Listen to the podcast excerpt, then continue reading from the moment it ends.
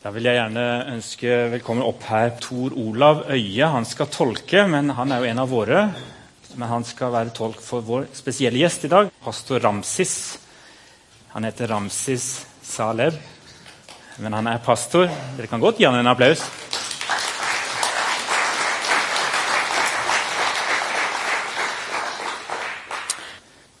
Da skal jeg snakke norsk, og så har han litt oversikt over hva jeg skal spørre om. Og så er Tor Olav vår tolk.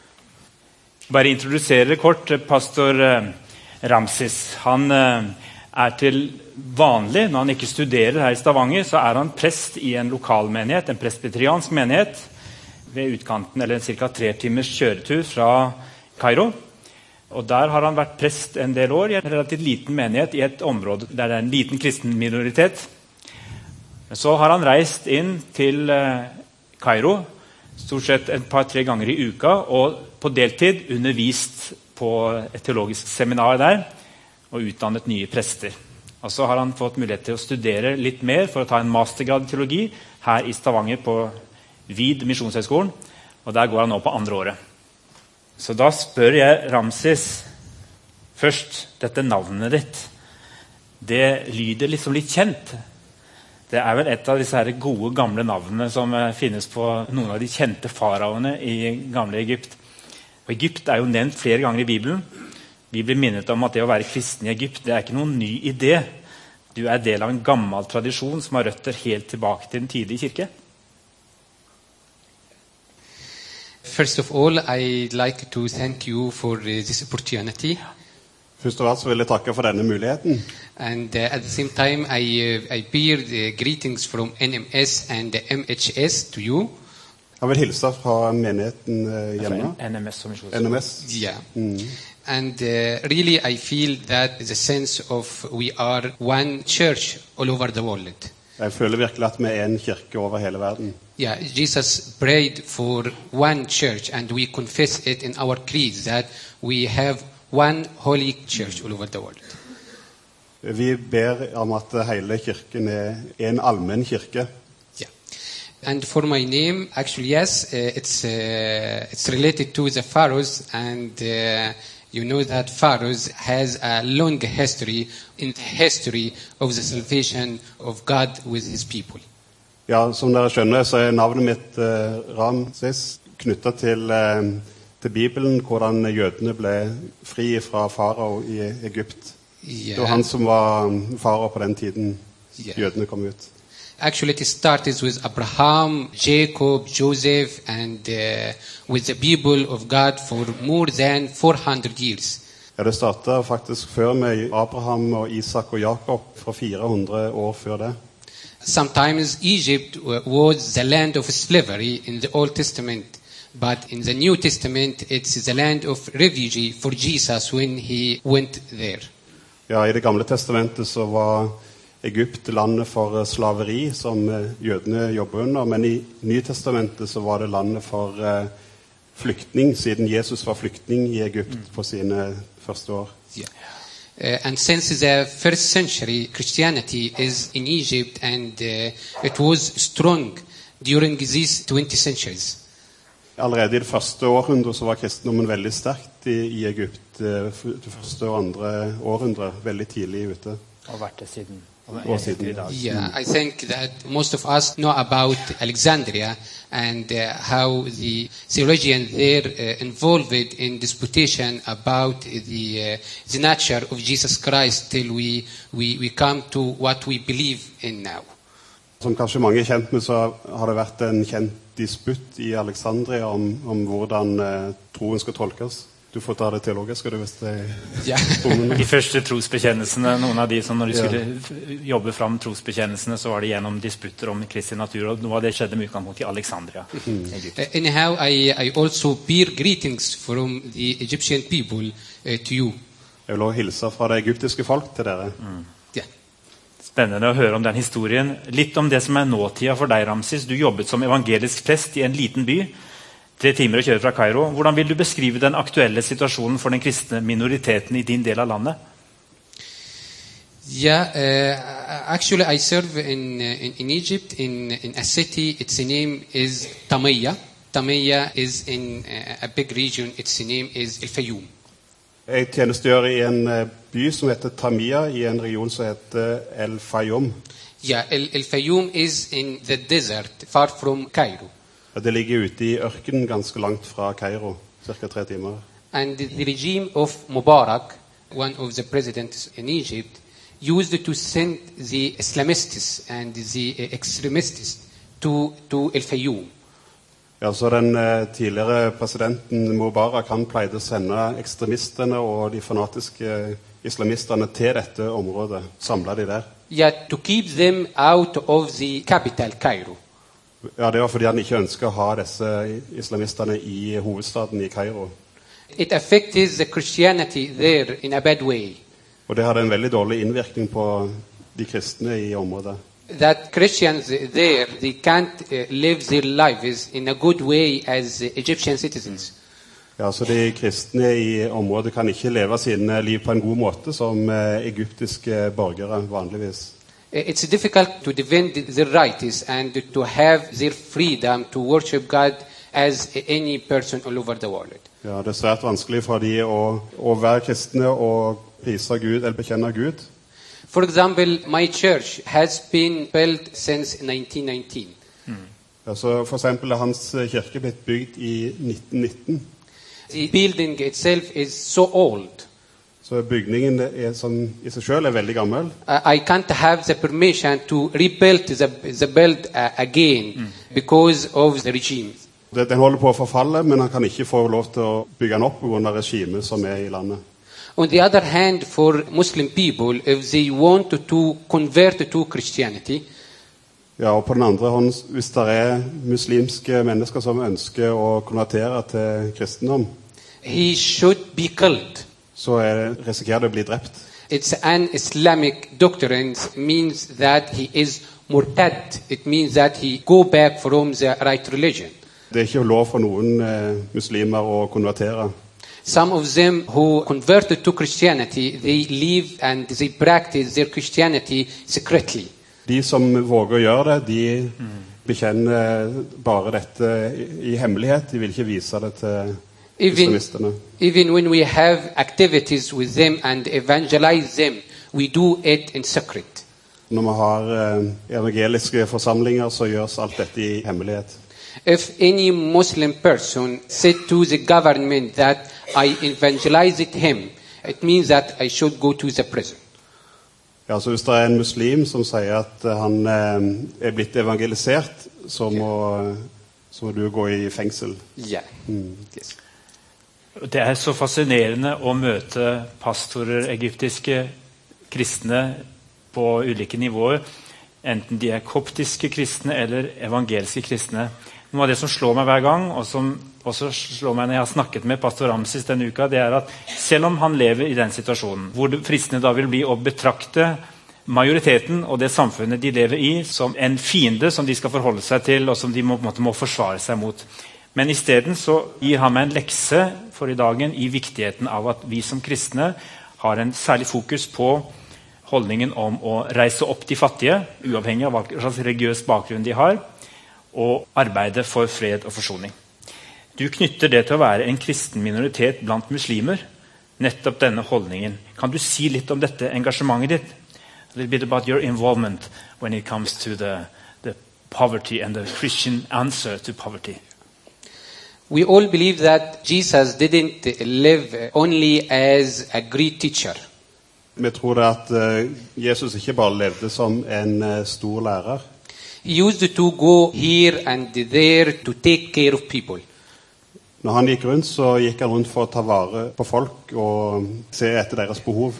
To heal them, to feed them, to encourage them, to make their life more better. Han eh, kom for å helbrede og gi dem mat og gjøre deres liv eh, bedre. So we, as the body of Jesus Christ, we should do as he did. Og vi som er Jesu legeme, vi skal gjøre de samme tingene. In my church, we used to present some help to our community or to our uh, society, both Muslims and Christians. I vår menighet så ønsker vi å, å gjøre disse tingene i samfunnet vårt, både til de kristne og mot muslimene. Sometimes it's like uh, clothes fairs, like shops to sell clothes in cheap prices. Så noen ganger er det som å selge klær på billigsalg. Yeah. Sometimes in medical care, Noen ganger så er det medisinsk omsorg. we are trying to present the love of God in a practical way. Og vi ønsker å vise Guds kjærlighet på en praktisk måte. måte. Og så er du her, Ramsis, og jobber her med studier og er egentlig fulltidsstudent på Misjonshøgskolen, men så bruker du likevel en del av fritida di på å være sammen med syriske flyktninger som har kommet til Stavanger i kjølvannet av borgerkrigen der. Hva er ditt inntrykk av de menneskene du møter fra Syria, kanskje særlig med hensyn til eh, deres tro her i Norge? When I have the opportunity to be in touch with uh, Syrian people here in Norway, Når jeg har mulighet til å være i kontakt med syriske folk her i Norge, I came to realize that many of them became atheists. Så fant de ut at mange av de som kom, de ble artister når de kom til Norge. They lost their confidence in God because of wars. Kanskje ikke fordi de kom til Norge, men fordi at eh, de mista troen på Gud pga. krig. Even Christians themselves, they have questions about the goodness of God. Ja, og de kristne kan ha spørsmål om hvor er Guds godhet i alt dette vonde. They sometimes ask, can God protect us in this world? Kan Gud eh, beskytte oss i denne verden? We have the vision to present that God is in control and He loves you. Så vi kan forkynne at eh, Gud har kontroll, og at han elsker dere. If we present this theoretically, they will uh, not feel that in their hearts. Hvis vi bare presenterer dette på en teoretisk måte, så kan de ikke kjenne det i hjertet sitt. So we started to present it in a practical way through different activities. Så Derfor har vi starta å gjøre dette på en mer praktisk måte gjennom aktiviteter. We started to present lectures about how to know Norwegian laws Altså Det vi starta ut med her i Norge blant syrerne, var da å undervise om norsk eh, lovgivning. and how to integrate in a new society. Og hvordan eh, de kan bli integrert i det norske samfunnet. And it helps them to realize that God also has agents, good agents in this world. Gud har eh, Agenter. agenter eller disipler i, i verden til å hjelpe seg òg når de, de vil oppdage det når de kommer til Norge. About a month ago, one of them told me that he is interested in, in reading the Bible. For en måned siden var det en av de som fortalte meg at han er interessert i å lese i Bibelen. But he used to read about Jesus as a great prophet according to the Quran. Han eh, leste i Bibelen om Jesus som en stor profet, for det var han vant fra Koranen. Yeah. At that time, I could help him to read the Bible from the perspective that Jesus is God who lived with us in this world. Da kunne jeg være med og vise ham at Jesus eh, levde som Gud i denne verden. And it means that God cares for our affairs. Og viser han at eh, Gud bryr seg om våre bekymringer om vår hverdag. Yeah. He isn't away in his heaven, Han er ikke i himmelen, but he now and, and right now he lives with us and wants us to be in a good life. men her og nå så er han midt iblant oss og ønsker at vi skal ha gode liv. A last question, Ramses. Yes. About uh, studies here in Norway to be Yeah. pastor. Til slutt et spørsmål til deg, Ramses, om dette med å studere i Norge. Nå har du vært her en stund, og du er student sammen med nordmenn på Misjonshøgskolen. Du ønsker at flere skal bli prester i Norge eller reise ut som misjonærer. Ut fra det du har sett her i Norge, hvorfor ser du et behov for prester? Yeah, since uh, I came here to Norway, I have been informed that many youth adopted secularism. Siden jeg kom til Norge, så har jeg blitt informert om at eh, det er ganske mange unge som blir sekularisert. You can correct me if I'm wrong, that maybe 70% of them adopted secularism. At det er mange som blir sekularisert av yeah. de som er i Norge. At det er mange som ikke holder seg til kristendom lenger. And as I know, Norway is the country of missions. Og jeg er kjent med at Norge er et land med misjon og misjonærer.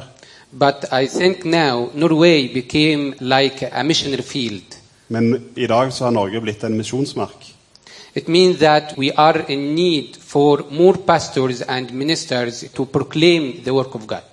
Det betyr at vi trenger flere pastorer og prester for å forkynne Guds ord. and to present the truth of God for people in different ways. Og forkynne sannheten om Gud på ulike måter. So, as we believe that the mission of the church, not only to take care of the members inside the church, Og at eh, budskapet til kirka ikke er bare til å ta vare på de som er inne i kirka. the church is uh, also responsible about encourage people and youth to be pastors and uh, missionaries to go in, in Norway and out of Norway to proclaim the word of God. Og at eh, kirka må oppmuntre de unge til å velge å bli pastorer og misjonærer til å forkynne Guds ord. And I think that you have a great place that you have many Bible schools all over Norway. Og i Norge så er vi heldige at vi har mange bibelskoler flere steder i landet. Of course, VID MHS one of them to help students and people to be pastors and uh, ministers. Ja, og Misjonshøgskolen er en av de skolene som kan ta en sånn utdannelse til misjonær eller prest. Yeah, thank you. Yeah. Thank you so much, Pastor Ramses. Tusen takk, Pastor Ramses, for at du er sammen med oss i dag. We wish to get to know you better. Maybe this is not the last time you visit our church while you are here. And uh, I know you also brought other materials, uh, yeah. things that you want to share, and you can speak to people after the service. Yes, thank you.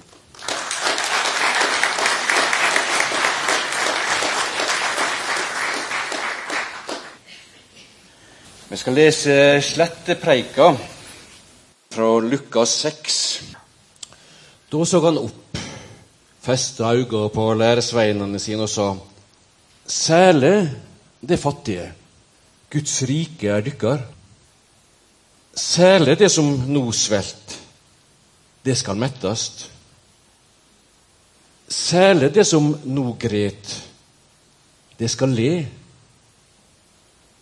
Særlig er det når folk for menneskesonen skuld hater dykk, støyter dykk ut og spotter dykk og kaster navnet dykkar fra seg som noe vondt. Gled dykk på den dagen og hopp av fryd. Stor er løna dykkar i himmelen. Det samme gjorde fedrene deres med profetene. Men ved dykk, rike, det har alt fått dykkar trøyst. Ved dykk som nå er mette, det skal svelte. Ved dykk som nå ler, det skal sørja og gråta. Ved dykk når alle taler vel om dykk. For det samme gjorde fedrene deres med de falske profetene. Men til dykk som hører på meg, sier jeg, elsk fiendene dykkar. Gjør vel mot de som hater dykk. Velsign de som forbanner dykk, og be for de som mishandler dykk. Slår noen deg på det ene kinnet, så by fram det andre òg. Tek noen kappa fra deg, så nekt han ikke skjorta heller. Gjev til hver den som ber deg, og tek noen fra deg det som er ditt, skal du ikke krevja det att. Som det vil at andre skal gjøre mot dykk, så skal det gjøre mot deg. Om det elsker de som elsker dykk, er det noe å takke dykk for? Til og med synderne elsker de som viser deg kjærleik. Og om det gjør vel mot de som gjør vel mot dykk, er det noe å takke dykk for? Det er synderne òg. Om det låner til de som venter å få att av, er det noe å takke dykk for? Syndere låner òg til syndere når de kan få like mye att. Nei, elska fiendene dykkar. gjer vel og lån bort uten å vente noe att. Da skal løna dykkar være stor, og det skal være born av den høgste. For han er god mot dei utakksame og vonde. Vær miskunnsame, som far dykkar er miskunnsam. Slik lyder Herrens ord. Et lite ord på tampen av det vi har hørt. Vi har fått høre glimt fra Egypt på ulike måter i dag. Vi har fått hørt denne teksten lest med ord som ligner også på de vi også hører i Bergpreken kapittel 5 i Matteus 5. Dette var Lukas' versjon. Når vi hører disse ordene, så er det ganske stor avstand mellom den virkeligheten vi lever under, og den som disippelen levde under. Men så møter vi da Den verdensvide kirke, så møter vi mennesker i vårt eget land som kommer fra land der de utfordres av akkurat dette hver dag. Hva gjør vi med de, de som er å regne som fiender av oss, eller som motarbeider oss, og som ikke egentlig ønsker at vi skal være her? Og Jeg hadde bare lyst til at vi skulle høre hele denne teksten lest og la den synke inn. og så skal ikke jeg kommentere så mye annet i dag enn å gi også et glimt til fra Egypt gjennom denne biskop Thomas, som vi er med å støtte i vårt misjonsprosjekt.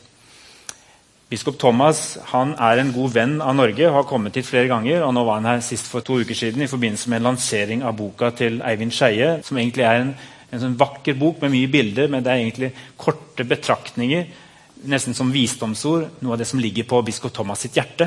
Og Der forteller han også om sitt arbeid som han har bygd opp. Han er biskop i et vanlig bispedømme, koptisk eh, kirkes bispedømme, El Kusia. Han var veldig tidlig biskop, han var bare noen 30 år da han ble biskop.